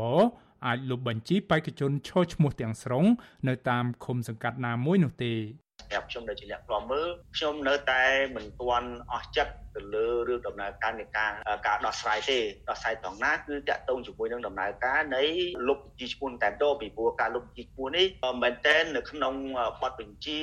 នៅក្នុងនីតិវិធីมันមានចំណុចតាណាដែលចង្អុលបង្ហាញឲ្យច្បាស់លាស់ថាបេក្ខជនដែលត្រូវបានលុបចេញបញ្ជីអាចនឹងលុបបញ្ជីទាំងស្រុងនោះគឺថាវាអត់មានចំណុចនេះហើយដែលខ្ញុំនៅតែមើលមិនឃើញហើយនៅតែមិនអស់ចិត្តរួមទាំងគណៈបកយោបាយផងដែរដែលតាក់ទងជាមួយនឹងការដោះស្រាយនៅទៅបញ្ហានេះលទ្ធផលផ្លូវការនៃការចុះបញ្ជីបេក្ខជននៃគណៈបកនយោបាយឈរឈ្មោះសម្រាប់ការបោះឆ្នោតឃុំសង្កាត់អាណត្តិទី5របស់កោជបចុះថ្ងៃទី21ខែមេសាឲ្យដឹងថាមានគណៈបកនយោបាយសរុប17គណៈបកចូលរួមនៅទូទាំងប្រទេសមានបេក្ខជនឈរឈ្មោះបោះឆ្នោតសរុបចំនួនជាង86000នាក់ហើយក្នុងនោះមានបេក្ខជនជាស្ត្រីចំនួនជាង27000នាក់ គណៈបកកណ្ដាលអំណាចរបស់លោកនាយរដ្ឋមន្ត្រីហ៊ុនសែនគឺជាគណៈបកតែមួយគត់ដែលអាចដាក់បេក្ខជនឈរឈ្មោះនៅគ្រប់1652ឃុំសង្កាត់នៅទូទាំងប្រទេសដោយមានបេក្ខជនឈរឈ្មោះសរុបជាង28000នាក់ រីឯគណៈបកភ្លើងទៀនវិញឈរនៅលំដាប់ទី2ដែលអាចដាក់បេក្ខជនឈរឈ្មោះប្រដំប្រសងជាមួយនឹងគណៈបកកណ្ដាលអំណាចនៅគ្រប់ខេត្តក្រុង បានចំនួន1623ឃុំសង្កាត់ដែលមានបេក្ខជនឈរឈ្មោះសរុបជាង23000នាក់ក្រៅពីនេះគណៈបកហ្វុនស៊ិនពេជ្រនិងគណៈបកខ្មែររួបរวมជាតិ ក៏មានលទ្ធភាពអាចដាក់បេក្ខជនឈរឈ្មោះនៅទូទាំង25ខេត្តក្រុង តែមិនបានគ្រប់ចំនួនឃុំសង្កាត់ទាំង1652ឃុំសង្កាត់នោះទេគណៈបកដែលបានដាក់បេក្ខជនឈរឈ្មោះតិចជាងគេបំផុតសម្រាប់ការបោះឆ្នោតឃុំសង្កាត់អាណត្តិទី5នេះគឺគណៈបកខ្មែរអភិវឌ្ឍសេដ្ឋកិច្ចដែលមានបេក្ខជនតែជាង60នាក់ប៉ុណ្ណោះអ្នកនាំពាក្យគណៈកម្មាធិការជាតិរៀបចំការបោះឆ្នោត លោកហំពធាប្រវិសុយស៊ីស្រីកាលពីថ្ងៃទី26ខែមេសាថាគូចប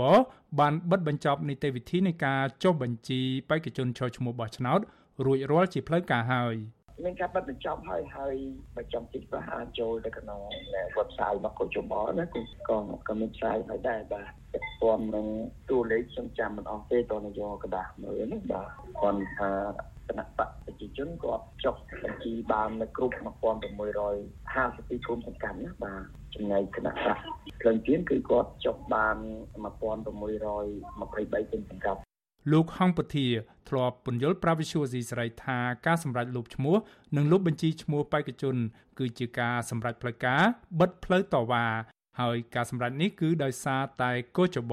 បានរកឃើញមានភាពមិនប្រក្រតីមួយចំនួនតាក់ទងទៅនឹងបញ្ជីឈ្មោះបេក្ខជនរបស់គណៈបណ្ឌនយោបាយទាំងនោះលោកហំពធាអះអាងថាភាពមិនប្រក្រតីទាំងនោះមានដូចជាការដាក់បេក្ខជនមិនចេះអក្សរការក្លែងបន្លំលក្ខខណ្ឌបេក្ខជន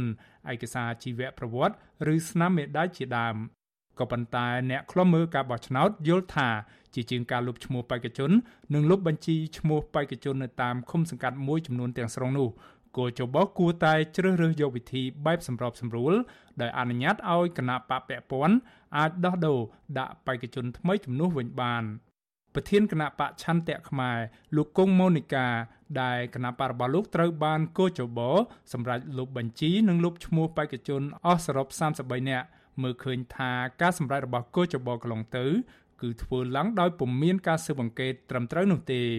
ការសម្រេចបែបនេះវាហាក់បីដូចជាថ្មីស្រឡាងដែលមិនធ្លាប់មានកន្លងមកហើយយើងថាវាហួសសំណើចថាដែលថាបេក្ខជនរបស់យើងមិនចេះអក្សរឬក៏មិនមិនបានមកពេញតម្រងបែបបត់ចុះឈ្មោះជាបេក្ខជនអីដោយផ្ទាល់ខ្លួនអីចឹងហើយខ្ញុំគិតថាវាជាការសម្រេចមួយដែលមិនមានការស៊ើបអង្កេតដែលត្រឹមត្រូវទេផ្ទុយទៅវិញខ្ញុំគិតថាគោចបគួរតែស៊ើបរកពីមូលហេតុថាហេតុអ្វីបានជាបេក្ខជនទាំងអស់នោះបានទៅស្នើសុំបកបេក្ខភាពរបស់ខ្លួនរងការគម្រាមបំផាយបំផិតបំភ័យពីនរណានោះគឺជាការងាររបស់គោចបគួរតែធ្វើផ្ទុយទៅវិញយើងឃើញថាគោចបគ្រាន់តែធ្វើការសម្រេចទៅតាមបណ្ដឹងរបស់បុគ្គលហើយដែលបុគ្គលទាំងអស់នោះយើងដឹងថាមានជាប់ពាក់ព័ន្ធជាមួយនឹងគណៈបកកណ្ដាលអំណាចតែប៉ុណ្ណោះចំណាប់អារម្មណ៍នេះក៏មិនខុសគ្នាទៅនឹងការមើលឃើញរបស់លោកកនសវាងនោះដែរ លោកកនសវាងថាបើប្រៀបធៀបទៅនឹងការបោះឆ្នោតឃុំសង្កាត់នៃអាណត្តិមុនសម្រាប់អាណត្តិទី5នេះការលុបបញ្ជីបេក្ខជនឈរឈ្មោះបោះឆ្នោតនៅតាមឃុំសង្កាត់មួយចំនួនទាំងស្រុងនោះគឺជាករណីថ្មីដែលមិនធ្លាប់កើតមានពីមុនមកកន្លងទៅ មន្ត្រីបកភ្លើងទៀនបានលើកសំណើចំនួន3ចំណុចស្នើដល់កោចបឲ្យជួយដោះស្រាយទាក់ទងទៅនឹងការលុបបញ្ជីបេក្ខជន និងការគំរាមកំហែង ការបំផិតបំភ័យព្រមទាំងស្នើឲ្យបង្កើតក្រុមការងារដោះស្រាយបញ្ហាឲ្យបានទាន់ពេលវេលា ដើម្បីធានាថាការបោះឆ្នោតនាពេលខាងមុខនេះដំណើរការទៅដោយសេរីនិងយុត្តិធម៌សម្រាប់ការបោះឆ្នោតឃុំសង្កាត់អាណត្តិទី5នេះគណៈបកភ្លឹងទៀនគឺជាគណៈបកមួយដែលរងនឹងការលុបឈ្មោះបេក្ខជន និងលុបបញ្ជីឈ្មោះបេក្ខជនទាំងស្រុងច្រើនជាងគេ គូចបបានលុបឈ្មោះបេក្ខជនរបស់គណៈបកនេះចំនួន86នាក់និងបានលុបបញ្ជីបេក្ខជនទាំងស្រុងរបស់គណៈបកនេះសរុបចំនួន11បញ្ជីនៅទូទាំងប្រទេសដែលធ្វើឲ្យគណៈបកនេះបាត់បង់បេក្ខជនឈរឈ្មោះបោះឆ្នោតយ៉ាងហោចណាស់សរុបជាង300នាក់នៅទូទាំងប្រទេសក្រៅពីនោះគោចបក៏បានលុបបញ្ជីទាំងស្រុងរបស់គណៈបកសម្បុកឃុំសង្គមប្រជាធិបតេយ្យចំនួន1បញ្ជី និងគណៈបកឆន្ទៈខ្មែរចំនួន1បញ្ជី ការឃោសនាសម្រាប់ការបោះឆ្នោតឃុំសង្កាត់អាណត្តិទី5នេះនឹងប្រព្រឹត្តទៅរយៈពេល14ថ្ងៃគឺចាប់ពីថ្ងៃទី21ខែឧសភា រហូតដល់ថ្ងៃទី3ខែមិថុនាការបោះឆ្នោតនឹងប្រព្រឹត្តទៅនៅថ្ងៃអាទិត្យទី5ខែមិថុនាខាងមុខនេះគូចបរងនឹងការរិះគន់ថាខ្វះឯករាជ្យពុំអព្យាក្រឹតនិងជាឧបករណ៍ចាំប្រថាប់ត្រាផ្ដល់ភាពស្របច្បាប់ឲ្យគណៈបកកណ្ដាលអំណាចដោយសារតែសមាជិកជាន់ខ្ពស់រហូតដល់សមាជិកថ្នាក់កណ្ដាលរបស់ស្ថាប័ននេះ ភាគច្រើនសិតសឹងតែជាមន្ត្រីដែលតែងតាំងឡើងដោយគណៈបកកណ្ដាលអំណាចគណៈពុំមានតំណែងមកពីគណៈបកនយោបាយដទៃទៀតឬអង្គការសង្គមស៊ីវិលឡើយខ្ញុំបាទមេរិត Visual C ស្រីរាយការណ៍ពីរដ្ឋធានី Washington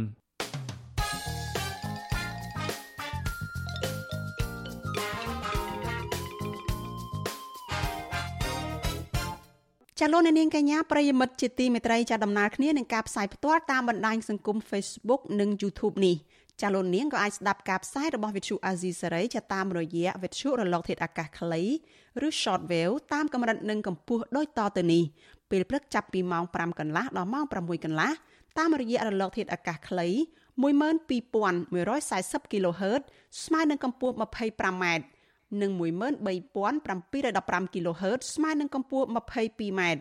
ចាប់ពេលយប់ចាប់ពីម៉ោង7កន្លះដល់ម៉ោង8កន្លះតាមរយៈរលកធាតុអាកាសខ្លី9960 kHz ស្មើនឹងកម្ពស់ 30m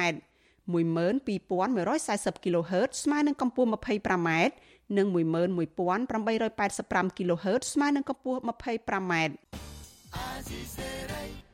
ចលនានាងកញ្ញាជាទីមេត្រីកូនប្រុសរបស់លោកឈុតវុធីដែលសង្គមស៊ីវិលនិងក្រមយុវជនស្រឡាញ់បរិស្ថានចាត់ទុកថាជាវីរៈជនការពារព្រៃឈើនោះលើកឡើងថាលុះត្រាតែមានការផ្លាស់ប្តូររដ្ឋាភិបាលថ្មីទើបសំណុំរឿងរបស់ឪពុកលោកមានយុត្តិធម៌លោកឆើយឧត្តមរស្មីថ្លែងនៅក្នុងនីតិវេទិកាអ្នកស្ដាប់វិទ្យុអាស៊ីសេរីកាលពីយប់ថ្ងៃទី26ខែមេសាចំខួប10ឆ្នាំនៃការបាញ់សម្លាប់លោកឈុតវុធីយល់ថា បទល្មើសនឹងការកាប់បំផ្លាញព្រៃឈើគឺជាបញ្ហាស្មុគស្មាញចាក់ស្រេះដោយជាប់ពាក់ព័ន្ធនឹងមន្ត្រីមានអំណាចខ្សែស្រឡាយមន្ត្រីរដ្ឋាភិបាលនិងឈ្មួញធំធំ ដែលមិនអាចការពារប្រៃឈើនៅកម្ពុជាបានហើយសំណុំរឿងរបស់ឪពុកលោកក៏នៅតែគ្មានពន្លឺយុត្តិធម៌ជាបន្តទៅនេះសូមអញ្ជើញលោកអ្នកនាងស្ដាប់បទសម្ភាសន៍របស់អ្នកស្រីខែសុណងជាមួយនឹងកូនប្រុសរបស់លោកឈុតវុធីលោកឆើយឧត្តមរស្មី ដែលបច្ចុប្បន្នជានាយកប្រតិបត្តិនៃអង្គការការពារធនធានធម្មជាតិជំវិញបញ្ហានេះដូចតទៅសូមជំរាបសួររស្មីពីចម្ងាយចា៎បាទសូមជម្រាបសួរបង ហើយខ្ញុំជម្រាបសួរប្រិមិត្តដែលកំពុងតាមដានស្ដាប់វិទ្យុអាស៊ីសេរីក្នុងថ្ងៃនេះបាទខាងអង្គការសមាគមក្រុមនិស្សិតក្រុមយុវជនអីគេនាំគ្នាធ្វើជីកកង់ជាអីដាក់ញត្តិអីផ្សេងផ្សេងហើយជីកកង់នឹងក៏អាជ្ញាធររារាំងអីចឹងទៅទៀតតើបងអូនយល់យ៉ាងម៉េចដែរចំពោះស្ថិរភាពពីមជ្ឈដ្ឋានផ្សេងផ្សេងដែលនាំគ្នារំលឹកនៅខួបរបស់លោកឈុតវិធីនៅពេលនេះចា៎បាទបើយើងគិតមកដល់ ថ្ងៃ26មេសាឆ្នាំ2022នេះគឺជាគម្រប់ខួប10ឆ្នាំនៃការបាញ់សម្លាប់សកម្មជនប្រៃឈើដ៏ឆ្នើមនៅក្នុងប្រទេសកម្ពុជាគឺលោកជុតវិធីដែលលោកគឺជាឪពុកបង្កើតរបស់ខ្ញុំក្នុងនាមខ្ញុំជាកូនខ្ញុំឃើញស្មារតីយុវជន ស្មារតីអង្គការសង្គមស៊ីវិលនៅតែគ្រប់គ្រងទៅលើវិស័យការការពារទុនធានធម្មជាតិខ្ញុំមានការរំភើបហើយពួកយើងក៏បានរៀបចំធ្វើផែនការនៃគម្រោងការនេះឡើងដើម្បីឲ្យ ប្រជាពលរដ្ឋខ្មែរនៅតែចងចាំនៃវរៈភាពរបស់លោកជុតវិធីនៅតែចង់ឲ្យមានយុទ្ធធម៌ពិតប្រាកដច្បាស់លាស់សម្រាប់ជុតវិធីនិងក្រមគ្រួសារនិងប្រជាពលរដ្ឋខ្មែរទាំងអស់យើងឃើញថាខាងរដ្ឋាភិបាលកម្ពុជាជាពិសេសមន្ត្រីដែលពាក់ព័ន្ធហ្នឹងឲ្យតែខួបលោកជុតវិធីមួយឆ្នាំទល់មួយឆ្នាំគឺយើងធ្វើនៅប្រទេសកម្ពុជាគឺមានការលំបាកមែនទែនដោយសារតែមន្ត្រីទាំងនោះគឺតែងតែមកធ្វើការហាមឃាត់យើងរាំងស្ទះយើងមិនឲ្យយើង ធ្វើកិច្ចការងារដោយរលូនដូចជាការចាក់បញ្ចាំងខ្សែភាពយន្តរបស់លោកជុតវុធីក៏គេមិនអនុញ្ញាតឲ្យចាក់ហើយប្រហែលឆ្នាំមុនពួកយើងក៏បានធ្វើបន់នៅក្នុងព្រៃឡង់នោះក៏គេមិនឲ្យចូលទៅក្នុងព្រៃទៅទៀតអញ្ចឹងហើយឥឡូវនេះថ្ងៃនេះខ្ញុំឃើញក្រមយុវជនខ្មែរថាវរៈគាត់បានខិតខំជិះកង់ផ្សព្វផ្សាយអំពីទុនធានធម្មជាតិផ្សព្វផ្សាយអំពីវិរៈភាពរបស់លោកជិតវុធីប្រហែលប្រហែលជាមិនដល់10កង់ផងក៏មានខាងអាជ្ញាធរសន្តិសុខក្រុងភ្នំពេញហ្នឹងគាត់មានការហាមឃាត់ពួកគាត់ ដូចជាការដកហូតដកអីរហូតដល់ពួកគាត់នឹងស្ម័គ្រចិត្តដើរក៏គេមិនអោយដើរដែរអញ្ចឹងខ្ញុំគិតថាតើយើងសពថ្ងៃយើងកាន់របបលទ្ធិប្រជាធិបតេយ្យសេរីពហុបកប៉ុន្តែអ្វីដែលយើងអនុវត្តច្បាប់ហ្នឹងគឺមិនមែនប្រជាធិបតេយ្យទេយើងឃើញថាសម្ដេចក៏មានប្រសាសន៍ដែរគាត់ថា ក្រោយពីរបបខ្មែរក្រហមត្រូវបានដួលរលំយើងមានសិទ្ធិសេរីភាពដើរបាន25ខេត្តក្រុងហ្នឹងប៉ុន្តែឥឡូវសូម្បីតែនៅក្រុងភ្នំពេញក៏គេមិនអោយដើរដែរគេបោះផ្លូវដើរសូម្បីតែគ្នាសុំទៅអុជធូបនៅព្រះអង្គដងការហ្នឹងក៏មិនអោយគ្នាទៅទៀតចឹងខ្ញុំសួរថាតើនេះគឺជាកត្តាយ៉ាងម៉េចហើយអានេះគឺជាអាដារដ្ឋាភិបាលអួតក្តែងក្តែងរហូតដល់លោកនាយករដ្ឋមន្ត្រីថាបើលោកការពីប្រៃមិនបានលោកនឹងកាត់កកកាត់អីចឹងទៅប៉ុន្តែយើងមើលទៅឃើញសំបីតែផ្សព្វផ្សាយអំពីវរៈភាពរបស់ សកម្មជនដ៏ឆ្នើមនៅក្នុងប្រទេសកម្ពុជាហ្នឹងក៏លោកមិនអនុញ្ញាតលោកជិតវុធីកន្លងមកធ្លាប់មានប្រធានាធិបតីសហរដ្ឋអាមេរិកលោកបារ៉ាអូបាម៉ាក៏រសារនៅវរៈភាពរបស់លោកដែលលោកអង្គអាចក្នុងការការពារធនធានធម្មជាតិ ចឹងហើយហេតុអីយើងមានវរៈជនមួយដែលស្នេហាជាតិដែលលះបង់ដើម្បីប្រទេសជាតិហ្នឹងហេតុអីក៏យើងមិននាំគ្នាលើកដង្កើងយើងបែរទៅជាភ័យខ្លាចទេឈ្មោះរបស់លោកដែលលោកបានស្លាប់ទៅហើយហ្នឹងខ្ញុំគិតថាវាជារឿងមួយដែលអយុត្តិធម៌ហើយរដ្ឋាភិបាលមេត្តាគូកែតម្រង់នេះសារឡើងវិញដោយសារតែកុំឲ្យអន្តរជាតិមើលមកវាអាក្រក់មើលពេកថាប្រទេសរបស់យើងគឺគ្មានច្បាប់គ្មានទម្លាប់អញ្ចឹងបាទ ចាខ្ញុំចង់សួរបន្តិចដែរពីរឿងពិធីបុណ្យអីហ្នឹងឥឡូវដោយសារតែឆេរំរស្មីនៅទីក្រុង Lowell ស្រាប់ហើយហ្នឹងតើសហគមន៍ខ្មែរនៅទីនោះជ្រើសរើសយកថ្ងៃអាទិត្យចុងសប្តាហ៍ហ្នឹងចំថ្ងៃទី1ខែឧសភាហ្នឹងប្រារព្ធពិធីបុណ្យសាសនាហើយនឹងរំលឹកខួបលោកឈុតវិធីដែរហ្នឹងតើនឹងមានកម្មវិធីអីធ្វើយ៉ាងម៉េចខ្លះទៅចាក្នុងគម្រោងចាបាទចំពោះថ្ងៃទី1ឧសភា ឆ្នាំ2022នៅវត្តពន្លឺពុទ្ធចក្រនៅទីក្រុង Lowell រដ្ឋ Massachusetts យើងនឹងចាប់ផ្ដើមកម្មវិធីបន់នៅវេលាម៉ោង9ព្រឹកហើយយើងមានចង្ហាន់ប្រគេនលោកតាមប្រពៃណីរបស់យើងហើយនឹងយើងមានសេចក្តីថ្លែងការណ៍នានាដូចជាការចាក់បញ្ចាំងវីដេអូនៃវរៈភាពរបស់លោកឈុតវិធី យើងនិយាយអំពីសកម្មភាពការងាររបស់យុវជននិងការតស៊ូបុព្វហេតុការពីប្រៃឈើថាមានផលលំបាកយ៉ាងម៉េចទៅដល់ឲ្យវិជាបរដ្ឋខ្មែរនៅសហរដ្ឋអាមេរិកនេះគាត់បានឃើញខ្ញុំសង្ឃឹមថាថ្ងៃទី1ឧសភានេះនៅវត្តមន្លឺពុទ្ធចក្រនឹងមានបងប្អូនខ្មែររស់នៅសហរដ្ឋអាមេរិកទាំងមូលនឹងគាត់បានចូលរួមច្រើនជាការលើកទឹកចិត្តទៅដល់សកម្មជនដទៃទៀតថាអ្នកដែលពលីជីវិតហ្នឹងគឺនៅតែមានការគ្រប់គ្រងលើកទឹកចិត្តអំពីបងប្អូនខ្មែររស់នៅសហរដ្ឋអាមេរិកនេះបាទចាអញ្ចឹងមានថ្លែងសាររឿងយុតិធធរឿងអីដែរអញ្ចឹងហ៎ចា បាទចំពោះការថ្លែងសារយើងនឹងនិយាយអំពីសកម្មភាពយើងបច្ចុប្បន្នដែលយើងខិតខំធ្វើការងារបន្តពីលោកជិតវិធីនិងនិយាយអំពីផលលំបាកដែលយើងពិបាកក្នុងការចុះល្បាតសប្តាហ៍ថ្ងៃដោយសារតែសប្តាហ៍ថ្ងៃហ្នឹងគឺយើងដឹងស្រាប់ហើយក្រសួងបរិស្ថានគាត់បានចេញបទបញ្ជាមួយមិនអោយមានការចុះល្បាតឬក៏ការចូលទៅក្នុងព្រៃនៅក្នុងតំបន់ស្នូដែលជាតំបន់ព្រៃការពារដូចជាឧទាហរណ៍ថាដូចជាតំបន់ព្រៃឡង់ បច្ចុប្បន្នគេមិនមានការឲ្យយើងអនុញ្ញាតយើងចូលទេអញ្ចឹងហើយអានេះគឺជាផលលំបាកមួយសម្រាប់យើងដែលជាសកម្មជនព្រៃឈើហើយជាផលលំបាកសម្រាប់ ការការពារព្រៃឈើនៅប្រទេសកម្ពុជាយើងនឹងមានផ្នែកសារដទៃទៀតអំពីរឿងបញ្ហាយុទ្ធធរហើយចំពោះអំបញ្ហាយុទ្ធធរនេះក្តីយើងនៅតែមិនរំពឹងទុកថាតឡាការខេត្តកោះកុងនឹងអាចផ្ដល់យុទ្ធធរប្រទេសទោះថ្ងៃនេះយើងបានដាក់ញត្តិទៅក្រសួងយុទ្ធធរគេបានទទួលហើយនឹងក្រសួងមហាផ្ទៃក្តីដោយសារតែខ្ញុំគិតថាកិច្ចកម្មនេះពាក់ព័ន្ធជាមួយមន្ត្រីធំធំនៅក្នុងជួររដ្ឋាភិបាលខ្លាំងណាស់ចឹងហើយខ្ញុំគិតថាយុទ្ធធរសម្រាប់ពួកខ្ញុំគឺនៅតែលំបាកប៉ុន្តែទោះយ៉ាងណាក៏យើងនៅតែខិតខំបន្តទៀតហើយយើងផ្សព្វផ្សាយអំពី ភាពអយុត្តិធម៌ទៅដល់អន្តរជាតិបានដឹងថា យើងបាត់បង់សកម្មជនប្រៃឈើមួយដល់ឆ្នាំហើយរយៈពេល10ឆ្នាំហើយនៅតែមិនទាន់បានទទួលយុត្តិធម៌ពិតប្រាកដរដ្ឋមន្ត្រីក្រសួងបរិស្ថានគឺលោកសាយសំអាលនឹងហាមមិនអោយសហគមន៍ព្រៃឈើចូលទៅចោះល្បាតការពារព្រៃឈើអីចឹងនឹងនិយាយរួមទៅរដ្ឋមន្ត្រីមុនមុននឹងអត់ដែរហាមទេលោកអាលិចដែលជាសកម្មជនបរិស្ថានជនជាតិអេស្ប៉ាញនឹងគាត់ថាព្រៃឈើនឹងហិនហើយខ្លាំងនៅក្នុងអាណត្តិរដ្ឋមន្ត្រីលោកសាយសំអាលនេះហើយកាន់តែយ៉ាប់ខ្លាំងនឹងគឺលោកសាយសំអាលនឹងទៅហាមអ្នកការពារព្រៃឈើនឹងមិនអោយហើយទាំងមានប្រសង់និស្សិតអីផ្សេងផ្សេងចុះទៅកម្មសិក្សាអីផ្សេងផ្សេងបំពោះព្រៃឈើនឹងក៏តែងតែមានការហាម5ឯប៉ុន្តែដោយឡែកពីបទល្មើសព្រៃឈើបែរជាកើនឡើងច្រើនអីទៅវិញតើធ្វើម៉េចទៅឧត្តមរស្មីនៅក្នុងការការពារធនធានធម្មជាតិបន្តគេដំណើរពីឪពុកនៅក្នុងពេលនេះតើវាមានឧបសគ្គហើយនឹងការលំបាកអីយ៉ាងម៉េចទៅដែរចា៎បាទចំណុចនេះវាសំខាន់ណាស់ក្នុងនាមយើងជាសកម្មជនព្រៃឈើក្នុងនាមជាប្រជាពលរដ្ឋដែលមានឆន្ទៈក្នុងការចង់ឃ្លាំមើលនៅល្បាតព្រៃ ពីព្រោះយើងគឺជាឆ្អឹងតតឹងករបស់ខាងមន្ត្រីជំនាញដូចជាក្រសួងបរិស្ថាននឹងក្តីរយៈពេល10ឆ្នាំមុនដែលលោកពុកខ្ញុំក៏បាននៅបន្តកិច្ចការងារនៅព្រៃឡង់គឺយើងតែងតែធ្វើការល្បាតជារឿយរឿយក្នុងមួយខែអាចជា2ទៅ3ដងចឹងទៅហើយយើងបានប្រមូលផុសតាងជាច្រើនហើយយើងបានប្រមូលនៃរណាយន្តហើយនឹងបាត់ល្មើសព្រៃឈើជាច្រើនអញ្ចឹងហើយពួកទាំងនោះគឺ មានទោះចង់មិនចង់ក៏គាត់មានការរៀងចាលគាត់មានការខ្លាចរអើពីយើងដែរប៉ុន្តែបច្ចុប្បន្ននេះគឺពួកគាត់អស់ក្តីបារម្ភដោយសារតែមានអ្នកកាងឲ្យគាត់អ្នកដែលកាងហ្នឹងគឺជាអ្នកដែលជាមន្ត្រីជំនាញខាងផ្នែកការពារទុនធានធម្មជាតិទៅទៀតចឹងហើយខ្ញុំគិតថាចំពោះយើងដែលជាអង្គការសង្គមស៊ីវិលជាប្រជាពលរដ្ឋសហគមន៍និងសកម្មជននានាហ្នឹងគឺយើងអត់មានគោលបំណងអីចុះទៅពីក្រៅពីការការពារទេ មិនមែនចុះទៅដើម្បីកាប់បំផ្លាញព្រៃឈើដោយពួកដែលគាត់កំពុងតការពីរាល់ថ្ងៃទេអញ្ចឹងហើយខ្ញុំគិតថាវាគឺជាចេតនាមួយដែលមានការលាក់បាំងឈ្មួញនៅក្នុងតំបន់ការពារទាំងនោះហើយធ្វើឲ្យឈ្មួញនោះវាមានការងាយស្រួលក្នុងការការកាប់បំផ្លាញយ៉ាងរំភើយដោយគ្មានអ្នកណាទៅរំខានរាជការនេះដែល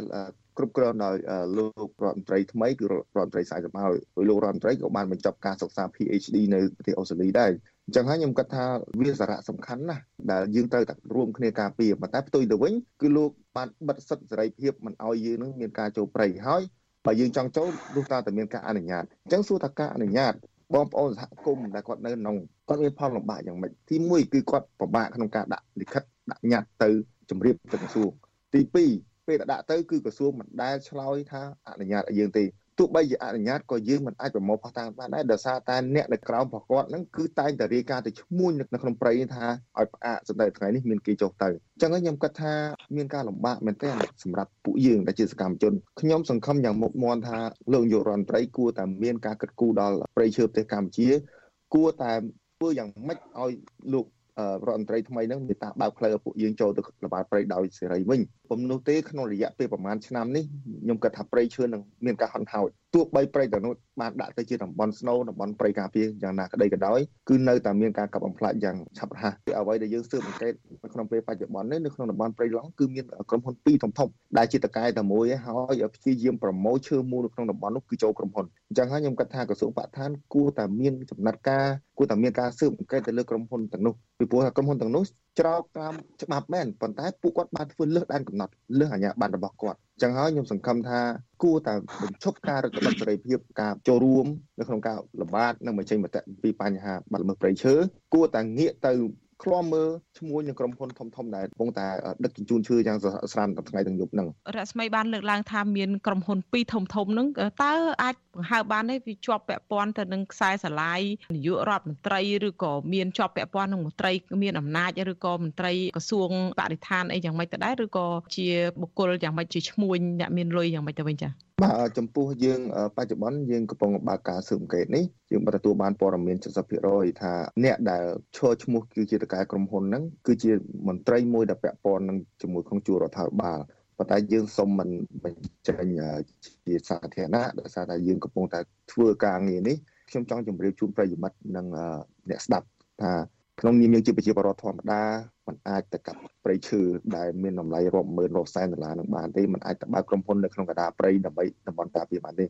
លុះត្រាតែអ្នកដែលមានអំណាចមានយុទ្ធសាស្ត្រនៅក្នុងជួររដ្ឋាភិបាលនឹងបានអាចមានសិទ្ធិទៅកាងទៅបើកក្នុងនឹងបានហើយទោះបីជាមានមន្ត្រីអាស៊ានអនុរិយនៅការពារក៏ដោយក៏มันអាចធ្វើអីពួកនឹងបានដែរអញ្ចឹងខ្ញុំគិតថាបងប្អូនគាត់យល់ហើយគឺសិទ្ធិតពាក់ព័ន្ធទាំងអស់ជាមួយខ្សែស្រឡាយ មិនថាលោកយុរដ្ឋមន្ត្រីឬក៏ខ្សែស្រឡាយអ្នកធំនៅក្នុងជួររដ្ឋាភិបាលសប្តាហ៍បាទចាឧត្តមរស្មីបានលើកឡើងខ្លួនឯងអំពីបញ្ហាថាសកម្មជនការពារព្រៃឈើនេះហាក់ដូចជាឆ្អឹងទៅតឹងករបស់អ្នកកាប់បំផ្លាញធនធានធម្មជាតិនឹងដែលអាជ្ញាធរហាមមិនអោយទៅចុះល្បាតតើអ្វីទៅជាយុទ្ធធននៅពេលនេះនៅក្នុងការបន្តទៀមទាឲ្យរំលឹកខួបរំលឹកអីនឹងចាហើយបានធ្វើអ្វីខ្លះទៅឲ្យខាងក្រុមគ្រួសារនោះចាយុទ្ធធនសម្រាប់ពុកខ្ញុំ វានៅឆ្ងាយដូចជើងមេឃអញ្ចឹងបើសិនជាมันមានការកំណែតម្រង់ទៅលើតឡាការនៅប្រទេសកម្ពុជាលុះត្រាតែមានការផ្លាស់ប្ដូររដ្ឋាភិបាលថ្មីទើបយុទ្ធធម៌សម្រាប់ពុកខ្ញុំនឹងអាចមានពន្លឺដោយសារតែអ្នកដែលរកស៊ីឈើនៅក្នុងប្រទេសកម្ពុជាសិតតែអ្នកមានអំណាចទាំងអស់ដែលគាត់បានបម្រើការងារនៅក្នុងជួររដ្ឋាភិបាលតឡាការគាត់មិនហ៊ាន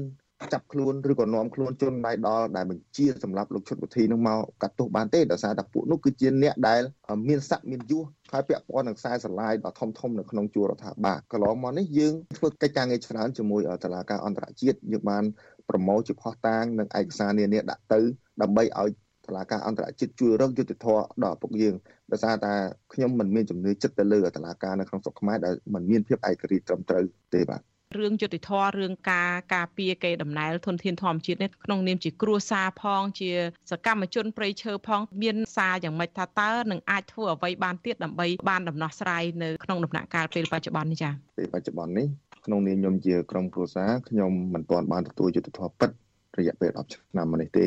ហើយក៏យើងនៅតែបន្តទៀមទាយុទ្ធធរទោះបីយើងដឹងថានៅក្នុងប្រទេសកម្ពុជានឹងមិនមានភាពឯករាជ្យក្នុងការស៊ើបអង្កេតលោកជំនាញប៉ុន្តែក្នុងថ្ងៃនេះក្រុមអង្គការសង្គមស៊ីវិលជាច្រើននិងក្រុមយុវជនគាត់បានដាក់ញត្តិទៅក្រសួងយុទ្ធភ័ពនិងក្រសួងមហាផ្ទៃអញ្ចឹងខ្ញុំគិតថារដ្ឋមន្ត្រីក្រសួងយុទ្ធភ័ពនឹងបើកស៊ើបអង្កេតទៅលើបញ្ហាលោកជុតវិធីនីសាជាថ្មីអ្វីដែលខ្ញុំនឹងសង្ឃឹមយ៉ាងមុតមមនោះគឺសម្ដេចតាឡាហោមសោខេងលោកគឺជាអ្នកដឹកនាំដោយមានទស្សនវិជ្ជារាជធរលោកនឹង ព្យាយាមរកយុទ្ធធម៌ពិតដល់លោកជុនមុធីហើយទោះបីជាយើងមានសង្ឃឹមតិចតួចក៏ដោយក៏យើងនៅតែបន្តធ្វើហើយអ្វីដែលយើងកំពុងតែព្យាយាមបញ្ហាយុទ្ធធម៌នេះគឺយើងបានដាក់ទៅគ្រប់បណ្ដាញអង្គការសង្គមស៊ីវិលនៅក្រៅប្រទេសនិងតឡាការឯករាជ្យនៅក្រៅប្រទេសនេះដើម្បីធ្វើការបើកការស៊ើបអង្កេតទៅលើករណីរបស់លោកជុនមុធីយើងមិនអស់ចិត្តទេដោយសារតែយើងចង់រកគិតកោពិតក្នុងការបញ្ជាឲ្យមានការបាញ់សម្លាប់នៅលោកជុនមុធីដែលជាសកម្មជនប្រៃឈើហើយយើងក៏ សង្ឃឹមថារដ្ឋាភិបាលនឹងការតម្រង់អំពីបញ្ហាឲ្យមានការចូលល្បាតព្រៃឡើងវិញបើកផ្លូវឲ្យពួកយើងបានចូលទៅល្បាតព្រៃទាំងអស់គ្នាឡើងវិញក្នុងនាមជាអ្នកការពារដូចគ្នា ពីព្រោះពួកយើងគឺគឺមិនមែនជាអាញាធរយុទ្ធធរប៉ុន្តែគ្រាន់តែយើងមានសិទ្ធិគ្រប់គ្រាន់រដ្ឋធម្មនុញ្ញប្រទេសកម្ពុជាបានចែងឲ្យបុគ្គលនីមួយៗមានសិទ្ធិការពារសម្បត្តិជាតិសម្បត្តិដូនតារបស់យើងអញ្ចឹងយើងធ្វើនេះវាមានខុសច្បាប់ទេហើយអ្វីដែលក្រសួងបរិស្ថានបានធ្វើសពថ្ងៃនេះគឺប្រេះចាកពីរដ្ឋធម្មនុញ្ញអញ្ចឹងហើយខ្ញុំគិតថាគួរតែមានការអនុវត្តឲ្យត្រឹមត្រូវមកចត់តាមច្បាប់រដ្ឋធម្មនុញ្ញពីព្រោះ มันមានបុគ្គលណាមួយសំបីតាលោកនាយករដ្ឋមន្ត្រីក៏មិនអាចទៅបំពេញរដ្ឋធម្មនុញ្ញបានដែរអញ្ចឹងហើយខ្ញុំសង្ឃឹមអញ្ចឹងចា៎នេះខ្ញុំសូមអរគុណលោកឆើយឧត្តមរស្មីកូនប្រុសលោកឈុតរុទ្ធីចា៎សូមជម្រាបលាចា៎លោកអ្នកនាងជាទីមេត្រីលោកអ្នកនាងទើបបានស្ដាប់បទសម្ភាសន៍របស់អ្នកស្រីខែសំណងជាមួយនឹងកូនប្រុសរបស់លោកឈុតវុធីលោកឆើយឧត្តមរស្មីបច្ចុប្បន្នជានាយកប្រតិបត្តិនៃអង្គការការពារធនធានធម្មជាតិជុំវិញសំណុំរឿងឃាតកម្មលើឪពុករបស់លោកកាលពី10ឆ្នាំមុនដែលលោកថា លុះត្រាតែមានការផ្លាស់ប្តូររដ្ឋាភិបាលថ្មីទើបសំណុំរឿងនេះមានយុត្តិធម៌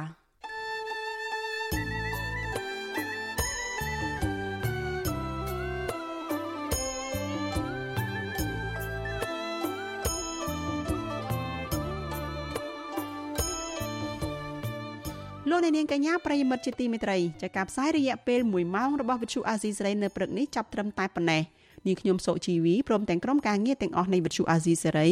ចាសសូមអរគុណដល់លោកអ្នកនាងដែលតែងតែមានភក្ដីភាពចំពោះការផ្សាយរបស់យើងហើយចាត់ទុកការស្ដាប់វិទ្យុអាស៊ីសេរីនេះគឺជាផ្នែកមួយនៃសកម្មភាពប្រចាំថ្ងៃរបស់លោកអ្នកនាងចា៎នេះខ្ញុំសូមអរគុណនិងសូមជម្រាបលា